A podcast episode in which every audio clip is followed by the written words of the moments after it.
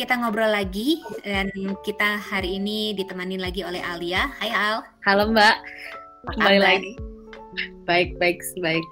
Saya lagi liburan nih Mbak, tapi liburannya di rumah. Pindah rumah ya. Di rumah. Kotanya Betul. beda tapi tetap di rumah gitu ya. Betul Mbak. Betul. Udah sempat ke kampus belum Al? Duh, belum Mbak, pengen banget Mbak. Nanti deh.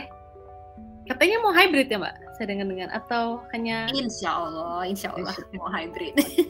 tapi ya, ngomong-ngomong soal kampus ya, ini ya mau Mhm. ada peristiwa besar nih di kampus bentar lagi. Mau ada wisudaan. Wah, kapan itu? Terus nggak kerasa ya Mbak, udah pada Iya. mau lulus aja. Oktober, tapi kayaknya wisudanya masih online deh. Dan um, salah satu kayaknya kita ngobrol sama calon wisudawatinya kali ya hari ini ya. Ada Cika, Hai Cika. Halo Mbak Sil, Aldi. Apa kabar nih? Baik, baik, baik. Alhamdulillah. Sehat-sehat kan semuanya? Alhamdulillah, kamu sehat. Alhamdulillah. Alhamdulillah sehat nih. Calon sarjana, Cie. Amin. Excited nggak? Biasa aja sih Mbak, karena jujur online ya, jadi kurang hype untuk aku gitu. Hmm. Cuma ya bersyukur lah udah lulus ya, Alhamdulillah. Yang penting kan itu. tapi tapi tetap ya eh, menerima toga dan perlengkapannya nanti Iya, terus video ha-ha. foto gitu kan ya. Excitement Iya. wisuda kan itu ya. Heeh. Kalau excitement masa depan gimana nih? Hmm, aku sih tipe orang yang jalanin aja hidup ini ya. Masa depan urusan di depan gitu. Sekarang yang yang sekarang aja gitu. Asik. Oke, sudah ada rencana-rencana mau ngapain setelah lulus? Paling rencana sih cari kerja atau magang gitu di instansi-instansi tertentu gitu. Ini kan perubahan ya, Cek, dari Iya. fase kuliah sebagai mahasiswi menjadi em, jadi apa ya, Cek? Statusnya setelah Jadi ini apa ya? gimana sih ya, apa rasanya? Apa sih yang ada di pikiranmu? yang di pikiran aku tuh selama ini kayak apa ya? Aku merasakan deg-degan karena aku transisi kehidupan dari kuliah ke istilahnya dunia nyata yang harus kerja sendiri atau menghidupi diri sendiri. Jadi istilahnya adalah transisi dari hidup yang penuh dengan kepastian menjadi tidak pasti. Jadi kayak contohnya dulu kuliah uang jajan selalu mengalir.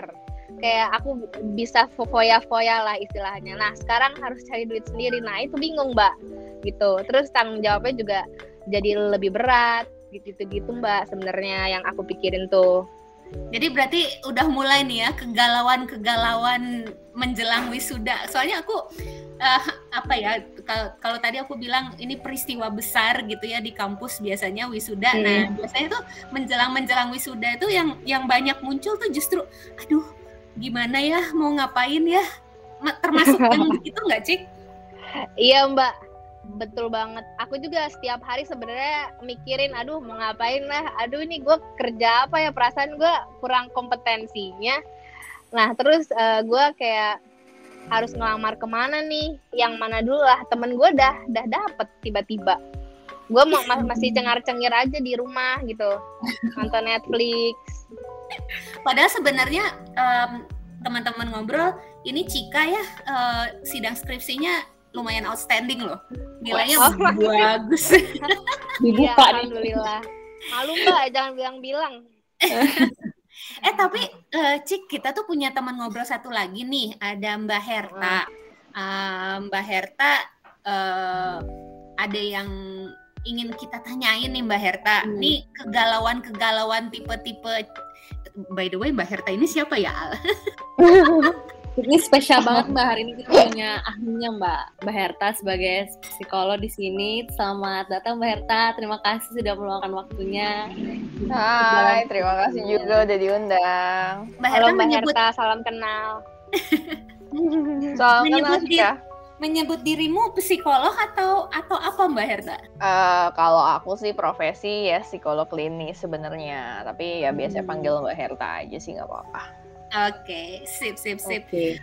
Mbak Herta em, tadi yang diceritain Cika ya, biasa nggak sih dalam umur-umur sekian dengan apa yang tadi dikatakan masa transisi gitu itu hal yang lumrah nggak sih biasanya?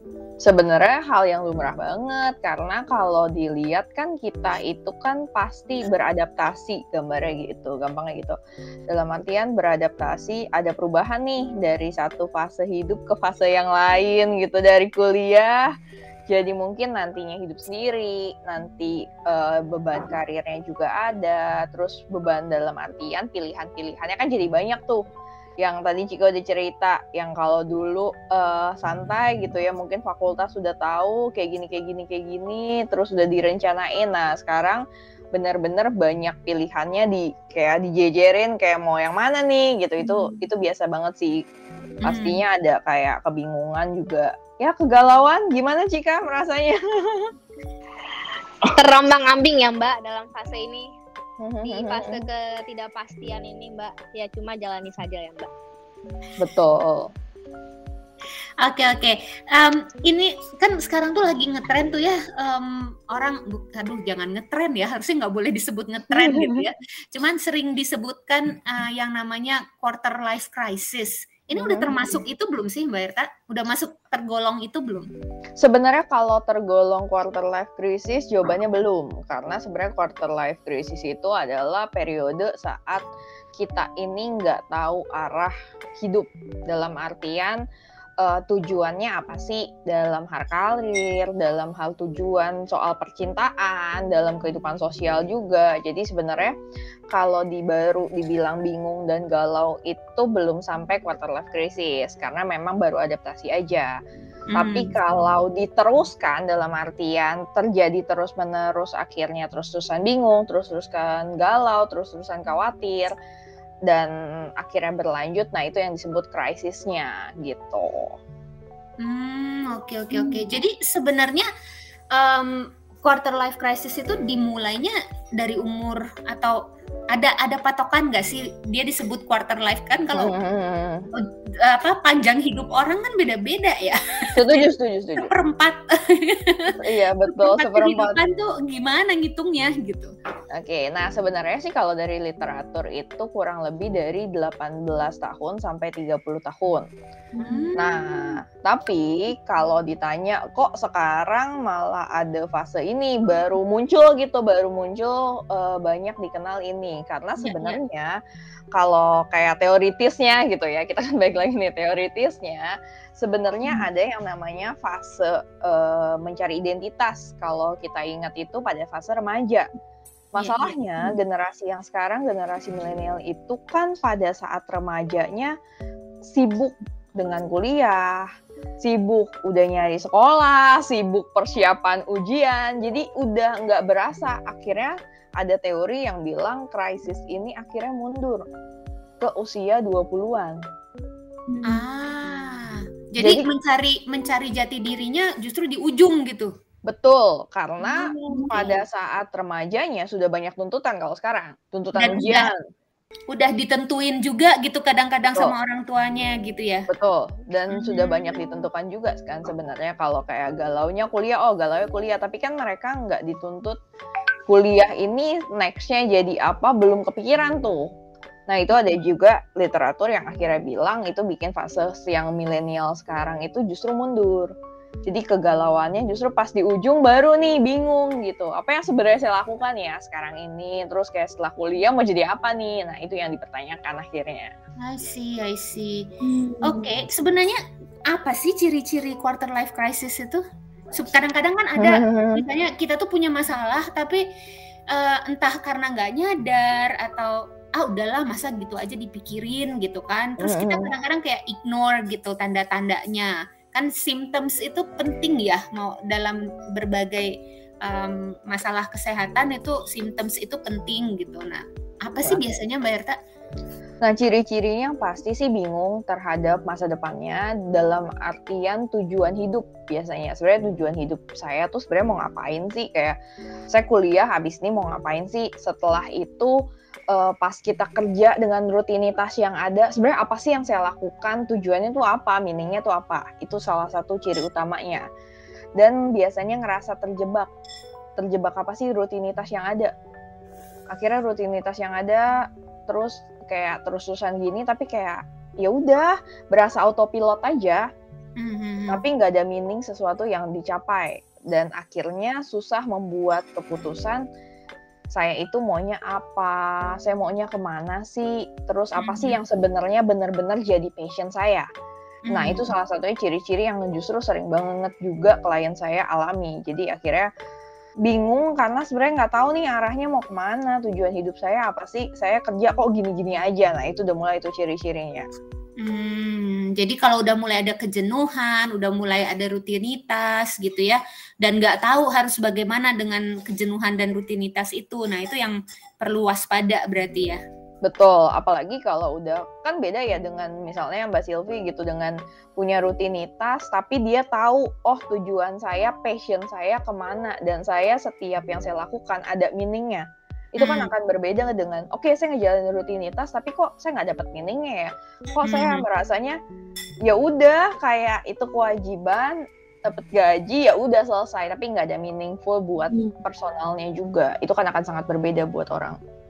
Hmm, mungkin aku tidak bisa terlalu relate ya, karena generasiku tuh adalah jadi jadi ketahuan umurnya generasiku tuh adalah tipe generasi yang pokoknya eh, cari karir secepat mungkin lalu stay di situ dan ya jalani aja gitu. Kayaknya ini sem- Hmm. in- kalau aku ngelihatnya eh, nggak tahu aku bener atau enggak, ini tuh lebih em, muncul di generasi sekarang yang kemapanan itu bukan bukan target gitu kali ya. Setuju. Karena kan beda generasi, beda ses- eh, beda sesuatunya dalam artian tujuan dan sifat-sifat generasinya. Nah, generasi yang dulu salah satunya, cie dulu gitu ya, enggak lah, enggak dulu-dulu banget. Kemarin kemarin.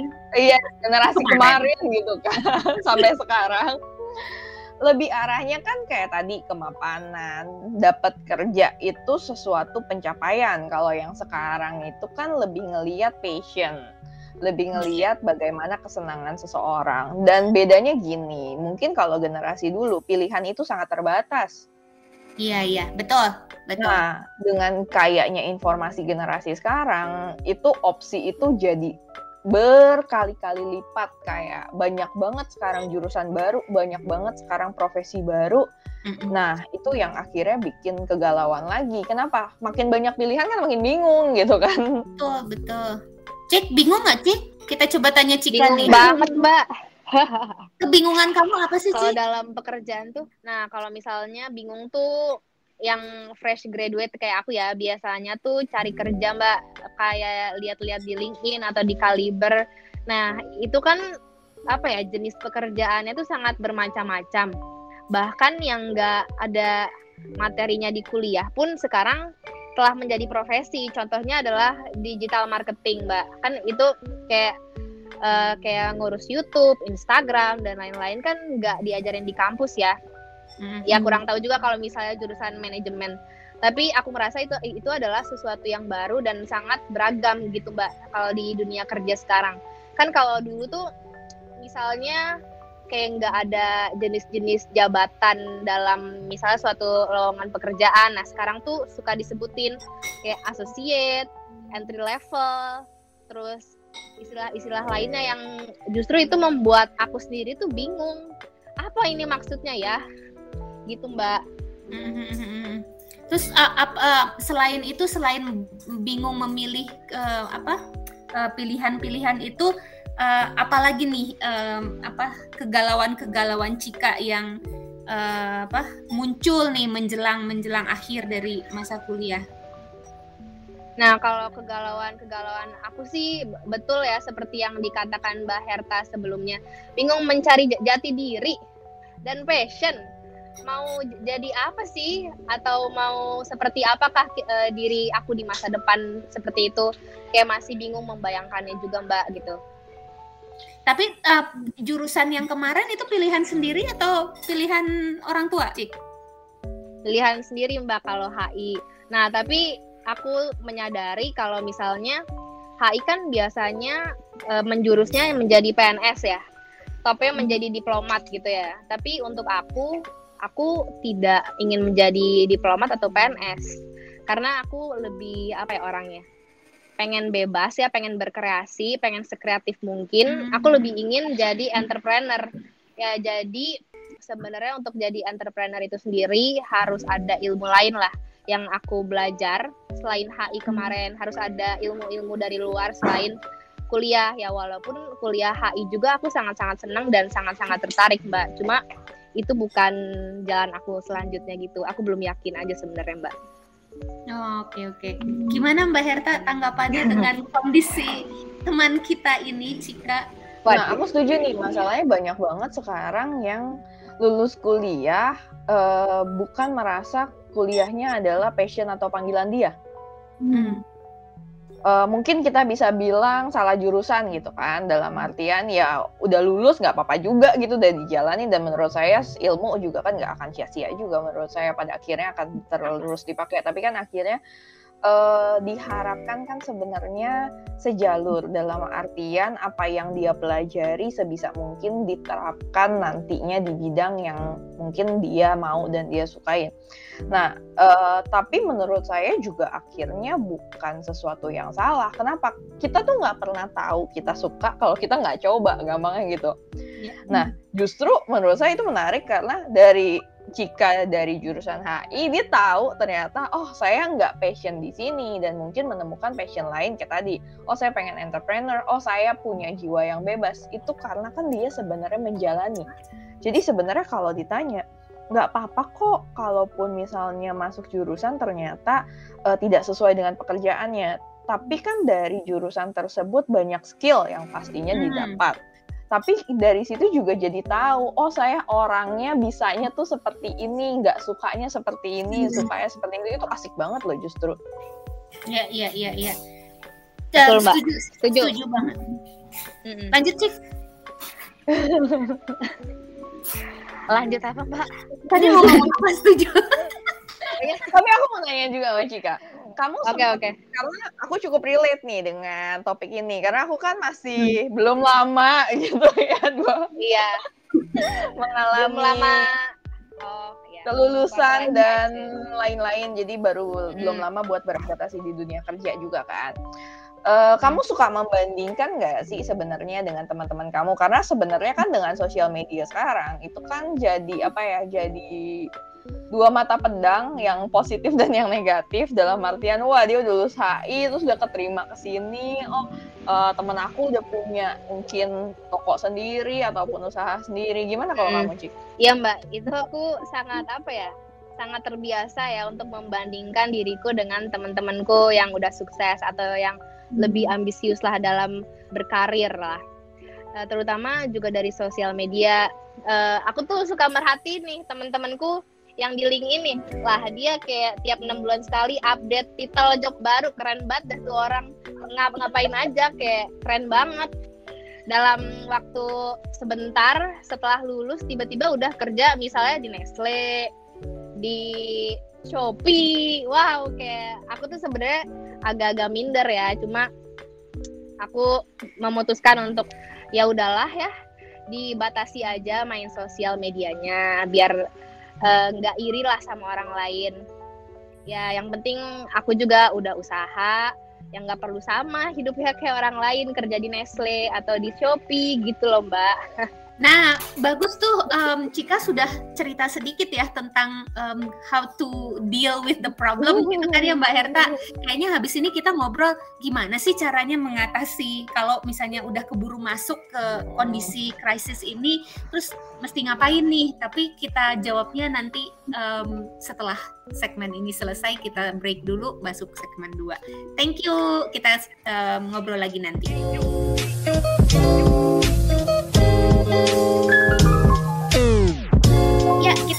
lagi segmen 2. Kita ngobrolin uh, apa ya? kehidupan setelah kuliah. Uh, harapannya sih bukan tentang quarter life crisis, tapi itu menjadi bagian dari obrolannya tadi. Um, ada Cika, ada Mbak Herta, Cika yang mau lulus dan yang katanya memilih sendiri jurusannya, tapi kemudian setelah menjalani dan sekarang hampir lulus, kok rasanya uh, tidak sesuai dengan passionnya saat ini. Um, jadi kalau uh, ada yang mengatakan istilahnya adalah salah jurusan tapi aku entah kenapa merasa nggak harus nggak harus disebut salah jurusan ya. Orang kan bisa berubah ya. People change lah yes. Uh, dan siapa tahu menjadi apa ya uh, aku aku ngelihatnya bahwa jenjang sarjana tuh tempat untuk mencari jati diri mengasah kemampuan dasar um, bener nggak sih mbak Herta Oh, setuju sih, makanya tadi kalau dibilang salah jurusan, saya rasa juga nggak salah juga. Karena kalau kita nggak nyoba, kita nggak pernah tahu gitu kan. Kayak makanan, kalau nggak pernah nyoba nggak tahu. Justru saat kita coba, kita tahu nih sebenarnya yang kita sukain bagian mananya dari jurusan tersebut. Dan yang kita nggak sukain sebenarnya bagian mana. Dan itu kan jadi kayak apa ya, jadi blueprint selanjutnya kita mau ke mana? Kayak tadi bilang oh Cika lebih suka yang bebas gitu kreatif. Oh industri-industri yang kreatif seperti apa? Itu kan bisa jadi patokan juga buat kita pada saat justru kita nyobain jurusan yang kita pilih juga gitu. Menurut saya sih nggak salah tapi menurut saya kayak tadi uh, bisa jadi uh, jadi acuan kita bagaimana ke depannya apa yang kita sukain dan kita nggak sukain dari jurusan dan prodi yang kita pilih. Iya, iya. Gimana, Cik? Setuju nggak, Cik? Setuju banget Mbak. Kan sebenarnya entrepreneur juga apa ya skillnya tuh ada yang aku pelajari di HI Mbak kayak bernegosiasi, uh, mempresentasikan pitch deck atau misalnya mencari apa ya bersosialisasi dengan berbagai macam orang ya dengan background yang berbeda kan di HI Unpar juga anak-anaknya tuh sangat apa ya bervariasi lah dari background dari asal kota asal daerah dari sifat.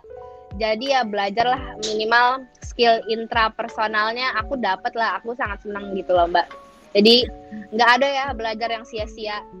Adanya tuh belajar yang dipakai ilmunya saat ini atau nanti pasti insya Allah kepake gitu loh mbak. Aku percayanya seperti itu ya ya ya betul betul um, apa uh, walaupun dari tadi kita ngomongnya uh, jurusan tertentu HI tapi kayaknya ini juga bisa berlaku untuk jurusan apa pun ya karena hmm. berapa coba orang yang lulusan teknik misalnya, tapi ujung-ujungnya kerja di bank misalnya. Um, um, dan se sebelum pandemi kan dunia perbankan tuh kesannya tuh menampung segala macam jenis jurusan gak sih? Betul betul betul. Iya betul banget. Um, ya ya, tadi kita janji di segmen berikutnya kita akan ngomongin juga kalau ternyata nih uh, udah apa ya, udah masuk ke lingkaran itu. Um, terus eh, salah ya kan mau mau nanya Cika dulu ya. Iya mau nanya Cika dulu. Cika gimana abis dari HI mau jadi entrepreneur gitu? Oke. okay. Um, ya uh, terus Cika dengan passion yang baru nih ya yang baru ditemukan hmm. uh, sudah ada upaya-upaya nggak sih untuk oh kalau saya mau arahnya ke sana berarti saya harus melakukan ini, melakukan A, B, C, D yang yang yang selama ini belum saya lakukan. Udah sampai ke situ belum sih? Sudah Mbak. Uh, kalau aku tuh kan mau ubah passion nih jadi eh dari HI jadi pengusaha. Nah, akulah uh, akulah lagi. Aku mencoba untuk ikut kelas-kelas non formal yang diadakan oleh misalnya institusi tertentu dari Instagram misalnya aku taunya. Nah, kayak misalnya aku kemarin ikut kelas data analitik sama digital marketing karena oh. kan semuanya itu sekarang beriklan tuh di media ya, di digital gitu, menggunakan teknologi digital. Ya, jadi aku ikut-ikutlah kelas-kelas. Terus kalau ada kelas-kelas gratis yang berhubungan sama bisnis ya, aku juga ikut-ikutan gitu loh Mbak, kayak memanfaatkan yang gratisan aja gitu. Sebelum aku misalnya bayar-bayar di di Coursera hmm. atau di mana gitu Mbak. Nah terus aku juga minimal nih kalau aku nggak jadi diplomat aku bisa banyak bahasa makanya aku udah ikut les bahasa hmm. Perancis dan Jerman gitu. Seperti itu sih Mbak aktivitasku sekarang ikut-ikut kelas gratis. Eh, berarti udah kayaknya udah yakin banget ya apa yang mau dilakukan. Tapi pernah nggak sih sebelumnya ngerasa stuck gitu? kayak sebelum sampai pada uh, tahap yang sekarang yang oh saya mau coba ini siapin ini siapin itu tapi pernah nggak di hmm. Kebingungan atau kegalauan itu terus berpikir aduh ini gimana? Terus gimana dampaknya ke Cika tuh gimana? Pernah Mbak. Kan uh, sebelum aku misalnya si yakin ini nih pengen jadi entrepreneur, aku juga pernah mencoba-coba jualan-jualan ya Mbak. Kayak buka thrift shop gitu online. Dan ternyata buka bisnis tuh gak gampang ya. Udah dari 2019 sampai tahun ini aku tuh gagal terus. Entah kenapa ya. Terus aku mikir lah ini gue pengen jualan jadi entrepreneur tapi gue gagal terus apa gue jadi pegawai aja ya? Yang nggak apa-apa sih jadi pegawai juga. Kan sama-sama mulia ya bekerja. Cuma memang lebih bebas jadi entrepreneur ya kayak kerjanya suka-suka gitu. Nah aku tuh bingungnya saat-saat itu saat-saat aku gagal melakukan apa yang menjadi passion aku gitu. Ternyata passion itu cuma nggak cuma didasari dengan rasa suka semata doang tapi juga harus usaha punya strategi dan lain-lain gitu loh mbak oh, oke oke jadi hmm. sempat ya pengennya ini tapi justru yang dipengen tuh gagal terus gitu ya Nah hmm. itu cobaan hidup gitu. Terus ada ya harus sabar ya gitu. Nah tapi kalau aku boleh tahu sendiri, jika apa yang bikin akhirnya udah gagal terus nyoba lagi? Berarti kan ada sesuatu yang kamu tuju kan? Kekeh terus di situ mm -hmm. gitu ya. Iya. Gimana ya Mbak? Uh, aku tuh orangnya emang kekeh ya emang keras kepala gitu. Kalau nggak berhasil ya coba lagi lah sampai nggak berhasilnya berkali-kali baru itu nggak berhasilnya ultimate gitu. Baru Ada itu adalah ya? suatu tanda. Iya, suatu tanda aku harus cari yang lain, coba yang lain gitu ya pokoknya aku bukan apa sesuatu lagi bukan seseorang yang quitter gitu lah cepet nyerah hmm. karena aja jalanin gitu. Nah itu menarik tuh mbak Hera. Ada kalau menurutku ya kayaknya tipis ya hmm. perbedaan antara kekeh determinan dengan denial kadang-kadang kan. Nah ya, ya. maksudnya gimana cara kita menentukan gitu bahwa ini tuh masih worth diperjuangkan nih gitu loh atau okay. nanti jadi aku ngelihatnya apa mungkin uh, apa ya istilahnya orang masuk ke quarter life crisis itu karena bisa jadi karena bukan karena dia nggak ngerti gimana cara menghadapi hidup, tapi justru karena determinasi tinggi dicoba terus jalur itu mungkin nggak sih? Nah, mungkin ke arah gini. Uh, kita kan titik beratnya adalah kalau quarter life crisis adalah tujuan dan value. Saat hmm. ngomongin kita ngomongin karir, saat Mbak Sylvia akhirnya ber, uh, memilih untuk berkarir sebagai dosen, saat nanti jika berkarir sebagai entrepreneur, tapi ada sesuatu value yang kita perjuangkan. Hmm. Value itu yang sebenarnya jadi titik berat. Misalnya, oh saya mau jadi entrepreneur supaya apa sih? Supaya membuktikan kalau an saya itu punya kreativitas dan anak-anak muda bisa tahu lokal brand misalnya gitu. Itu kan ya. ada value dan visi misi tertentu. Oh, mungkin saya mau jadi dosen kenapa sih? Karena saya percaya di dunia pendidikan itu sangat banyak yang bisa saya lakukan sehingga membangun anak bangsa misalnya kayak gitu. Hmm. Uh, itu yang mesti kita tahu sehingga saat kita berjuang terhadap sesuatu, kita tahu sebenarnya apa yang kita cari, value-nya apa sih? tujuan buat kita secara personal apa. Kenapa? Itu yang orang kadang-kadang lupa akhirnya dia kerja kerja kerja kerja dapat uang uang itu cara. Pada akhirnya uang itu buat apa? Itu yang mesti kita pertanyakan buat diri kita sendiri. Iya, iya. sehingga ada manfaat dan tujuannya ada nilainya. Nah sebenarnya itu bisa di, uh, dilakukan buat gimana sih gitu balik lagi gimana sih quarter life crisis untuk di, uh, keluar dari situ? Mungkin kita juga mempertanyakan sebenarnya value-nya kita apa sih yang mau ekstrimnya gitu yang mau diingat dari kita gitu. Se kalau orang lihat apa? Value ngomongin soal kita berbagi ilmu ngomongin kita justru oh jika itu entrepreneur yang uh, inspiratif misalnya kayak gitu nah. yang kreatif itu kan ada value yang di situ yang diperjuangkan sehingga kalau nyoba nyoba nyoba terus tapi memang ada tujuannya itu kan sangat positif gitu betul, tapi betul. kalau nyobanya nggak ada arah Iya, hmm. kita juga mempertanyakan apa yang dia coba, apa yang dia perjuangkan sebenarnya. Betul, betul, betul. Nah, Jadi gagal gagal yang sekarang itu masih bisa dianggap uh, apa ya part of the process karena jika masih punya value-nya itu gitu ya Mbak Erta ya. punya value hmm. dan perjuangannya. Nah, mungkin diarahkan gini. Saat kita gagal penting buat evaluasi. Hmm. Kayak tadi Cika udah ngomong, kenapa sih gue gagal mulu? Nah itu yang jadi mungkin jadi titik uh, tanya, oh apa ya yang sebenarnya kurang dari mungkin brand dan usaha? Apa ya. sih yang kurang ya. dari ini? Sehingga kamu juga hmm. tahu juga apa sih yang sebenarnya sudah baik dan apa yang perlu dipertahankan. Karena kalau aku saya, aku akan bilang evaluasi itu selalu dua. Apa yang sudah baik dan apresiasi itu dan apa yang kira-kira kurang sehingga kita bisa improve. Hmm. Ya, Karena betul, kalau kita berjuang, berjuang, berjuang dengan cara yang sama, tapi kita nggak pernah hmm. evaluasi, ya sama aja dong gitu. Itu kan kayak uh-uh. jatuh di lubang yang sama jadinya kan. Hmm. Iya, iya, iya, iya. Dan apalagi sekarang mungkin di usia-usia sekarang tuh usia-usia yang ketika mencoba berbagai hal itu resikonya masih lumayan rendah ya, Mbak. Setuju. Kalau usia saya mah udah nggak ber, nggak berani.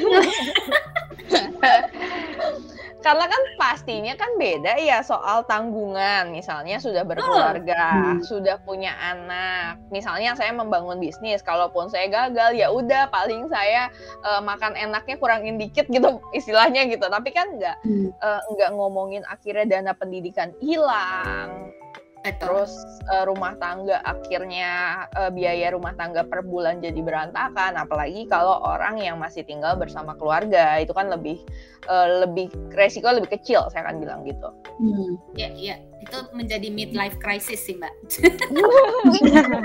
bukan bukan krisis ya. Krisis, krisis dalam arti sesungguhnya. ya betul. Iya iya iya.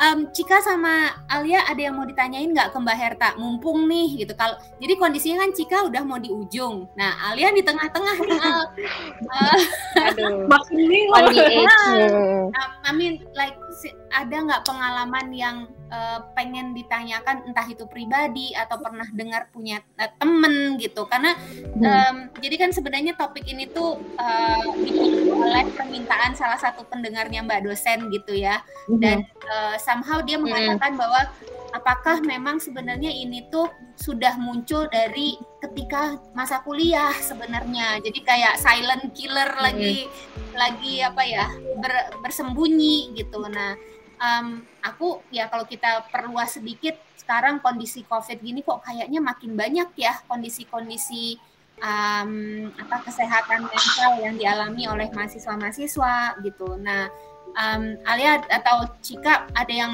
pengen di-share nggak atau pengen diceritakan ke Mbak Herta? Siapa tahu Mbak Herta bisa menanggapi gitu. Silakan, silakan. Alia punya pertanyaan nggak? Kayaknya aku punya ya Mbak Herta, boleh ya Mbak? Boleh, boleh. Silakan. silakan. sedikit. Um, mungkin kalau tentang aku juga relate sih uh, Mbak tentang uh, sama Kak Cika tentang bagaimana uh, melihat LinkedIn itu kayak wah itu kalau buka LinkedIn itu nggak boleh malam-malam Mbak. Dia overthinking. Jadi harus siang-siang. ya. Jadi harus siang-siang harus ada kegiatan dulu setelahnya jadi biar kayak cepat ke distraksi gitu. Jadi nggak inget-inget kayak oh ini sih ini udah ngupload ini. Nah um, kalau aku menyimpulkannya, kalau aku pribadi sih aku merasa aku menganalisis sendiri bahwa itu adalah um, part of insecurity ya atau kayak ada jealousy gitu di diri aku tuh. Nah uh, mungkin aku mau tanyanya insecurity atau jealousy itu normal gak sih mbak? Atau kayak itu justru jadi kalau biasanya kalau mitos-mitos di luar kan jealousy itu penyakit hati biasa katanya. Tapi itu biasanya normal gak sih? Soalnya menurut saya ya sayangnya saya masih mempunyai itu kalau lihat orang tuh kayak aduh udah sampai situ nih orang. Nah um, jealousy itu sama insecure itu um, normal atau normalnya sampai mana gitu batasnya oke okay. good question hmm. sih menurut aku. Um, kalau ditanya normal nggak sih? Jawabannya normal karena kita tuh pasti ada waktu insecure dan merasa diri kita kurang.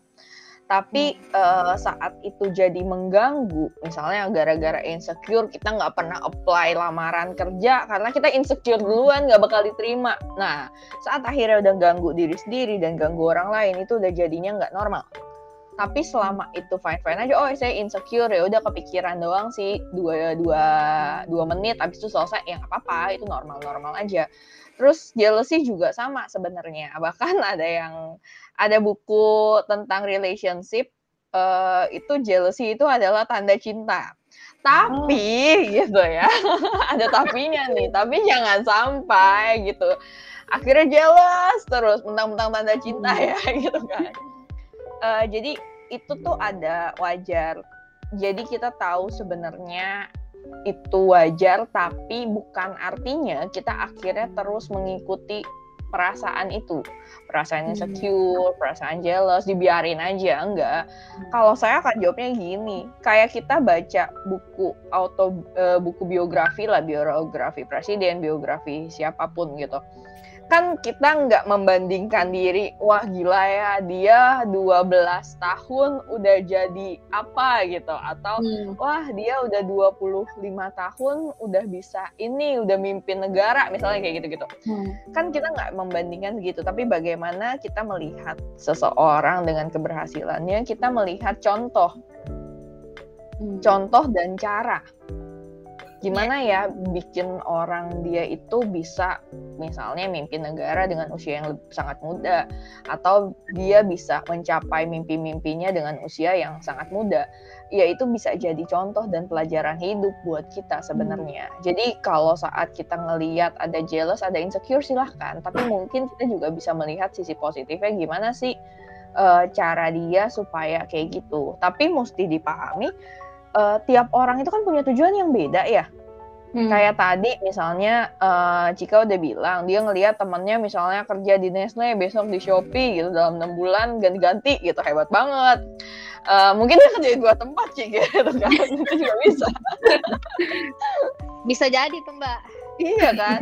Tapi kan maksudnya kalaupun kita ditanya jealous, ditanya insecure, mungkin. Tapi apakah hmm. kita sendiri mau seperti itu? Mungkin jawabannya enggak gitu, karena kita pun punya hmm. mimpi lain. Hmm. Jadi kalau saya akan bilang itu wajar banget, tapi kita mesti melihat sebagai orang pencapaian orang lain bisa jadi contoh buat kita.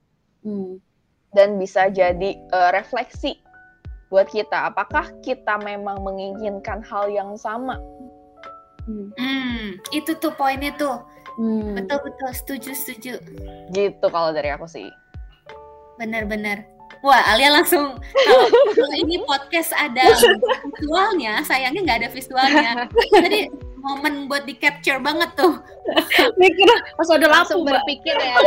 ya. Muka merenung banget tuh.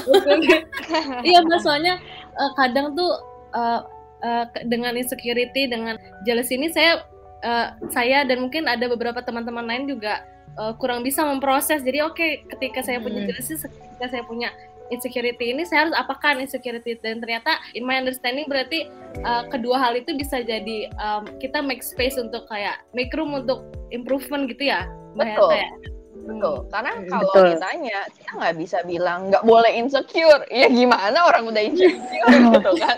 Atau nggak boleh jealous anda gitu. Ya orang udah jealous gitu. Tapi justru bagaimana kita mengarahkan dan menerima, oke okay, saya insecure, saya jealous, tapi apa ya yang bisa saya lakukan dengan ini? Oh saya bisa nyontoh dia, oh saya bisa refleksi sama dia, oh saya bisa ngobrol sama dia. Jadi saya punya link nih ke depannya mungkin kita bisa jadi rekanan, who knows? Kayaknya berdamai dengan situasi itu jagonya Cika deh. Ya nggak Cika? Iya mbak kayak pasrah aja ya. Tapi hmm. jangan lupa sebelum pasrah itu harus ada usaha dulu dan berdoa.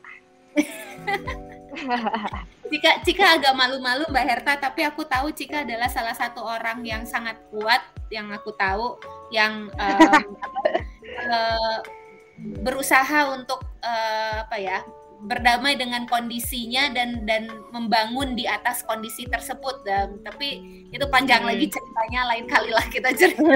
Iya. um, jika ada yang mau ditanyain ke Mbak Herta? Uh, aku cuma masih agak bingung nih Mbak Herta.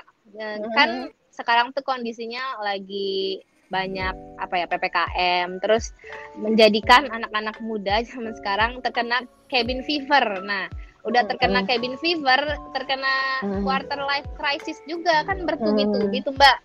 Nah, apakah sebaiknya uh, anak-anak muda sekarang tuh berkonsultasi ke ahlinya seperti Mbak atau ke psikiater? Nah, kalau misalkan ya itu di tahap seperti apa ya Mbak? Nah, sekalian kali ya uh, pertanyaan terakhir karena aku juga ngarahnya ke situ Mbak Herta. Oke. Okay. Um, kalau misalnya ternyata uh, teman-teman menyadari waduh saya sudah mulai masuk ke zona bahaya nih gitu. Hmm. Nah, itu cara keluarnya gimana atau at least mesti cari siapa gitu buat buat buat bantu buat keluar gitu, Mbak. Oke, mungkin aku jawab satu-satu kali ya. Kalau misalnya ditanya gimana sih anak muda kapan sih bisa minta bantuan profesional? Jawabannya sebenarnya kamu boleh banget buat mencoba sendiri tapi saat kamu mencoba dan kamu perlu bantuan, it's okay kok buat ngomong ke profesional.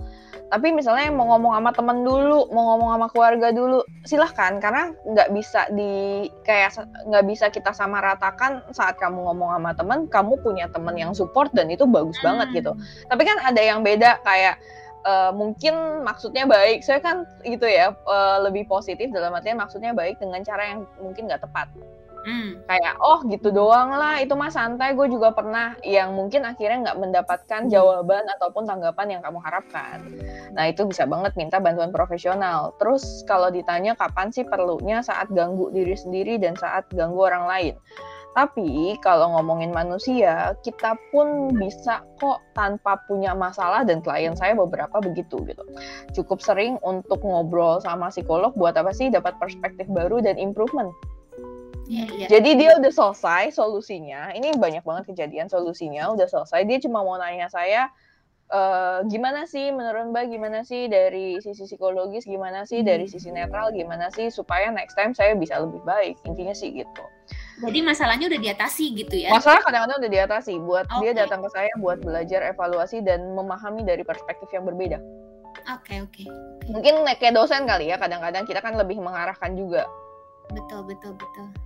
Nah, hmm. terus lanjut gitu. Gimana sih sebenarnya kalau ngomongin quarter life crisis? Uh, pertama adalah kita tidak membandingkan. Tadi Alia udah me mendapatkan sesuatu banget yang dari pertanyaannya menurut saya bagus banget itu pertanyaannya.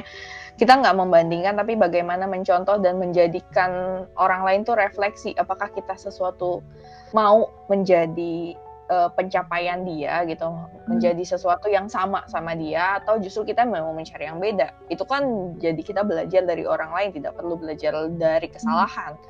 Nah terus kita mesti paham ekspektasinya realistis saat kamu misalnya lulus di era pandemi kan akan sangat berbeda saat sama tiga tahun kakak kamu misalnya hmm. uh, yang lulus di era yang bukan pandemi. Jadi ekspektasinya realistis. Kira-kira yang sekarang itu seperti apa standarnya? Ya, ya. Nah, ngomongin standar, kalau ngomongin standar kan berarti tengah-tengah kamu mesti lihat uh, yang paling tinggi sama di angkatan kamu gampangnya dan paling hmm. rendah juga baru ambil tengah-tengahnya.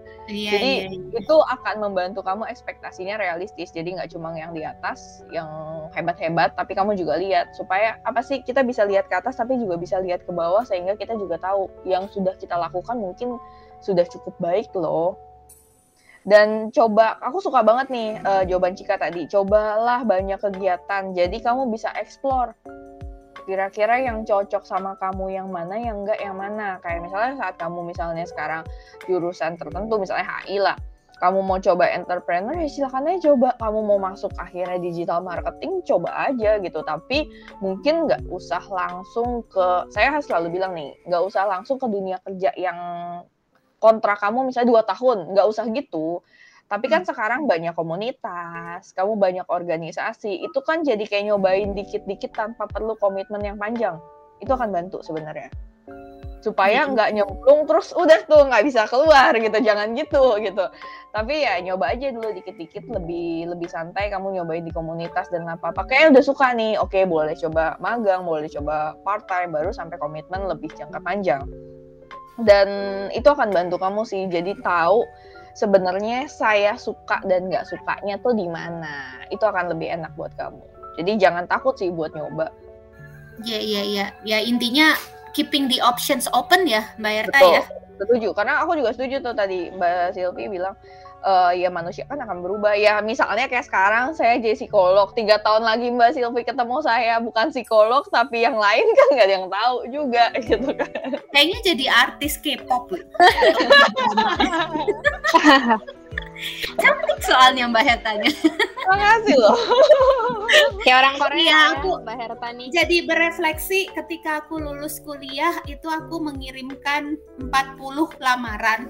Oh ya dihitungin. Eh, eh, 40 amplop lamaran dan itu range-nya dari Kemlu sampai asuransi, Pertamina, you name it, segala macam.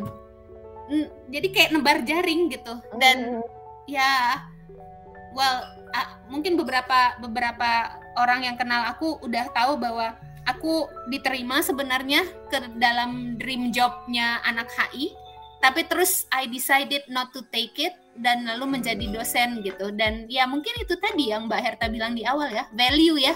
I I Mhm. I found my value di menjadi dosen. So ya mari kita mencari value kita masing-masing. Terima kasih Betul, banyak. kan Cik? Eh, nanti kabar-kabarin ya Cik, akhirnya value-nya jadi apa Cik? Siap, Terima kasih siap. banyak Cika eh, sudah berbagi. Terima kasih banyak Mbak Herta. Em, banyak insights banget, em, em, banyak pencerahan banget. Em, mudah-mudahan bermanfaat buat teman-teman ngobrol. Alia aja merasakan manfaatnya sampai baru nih langsung mbak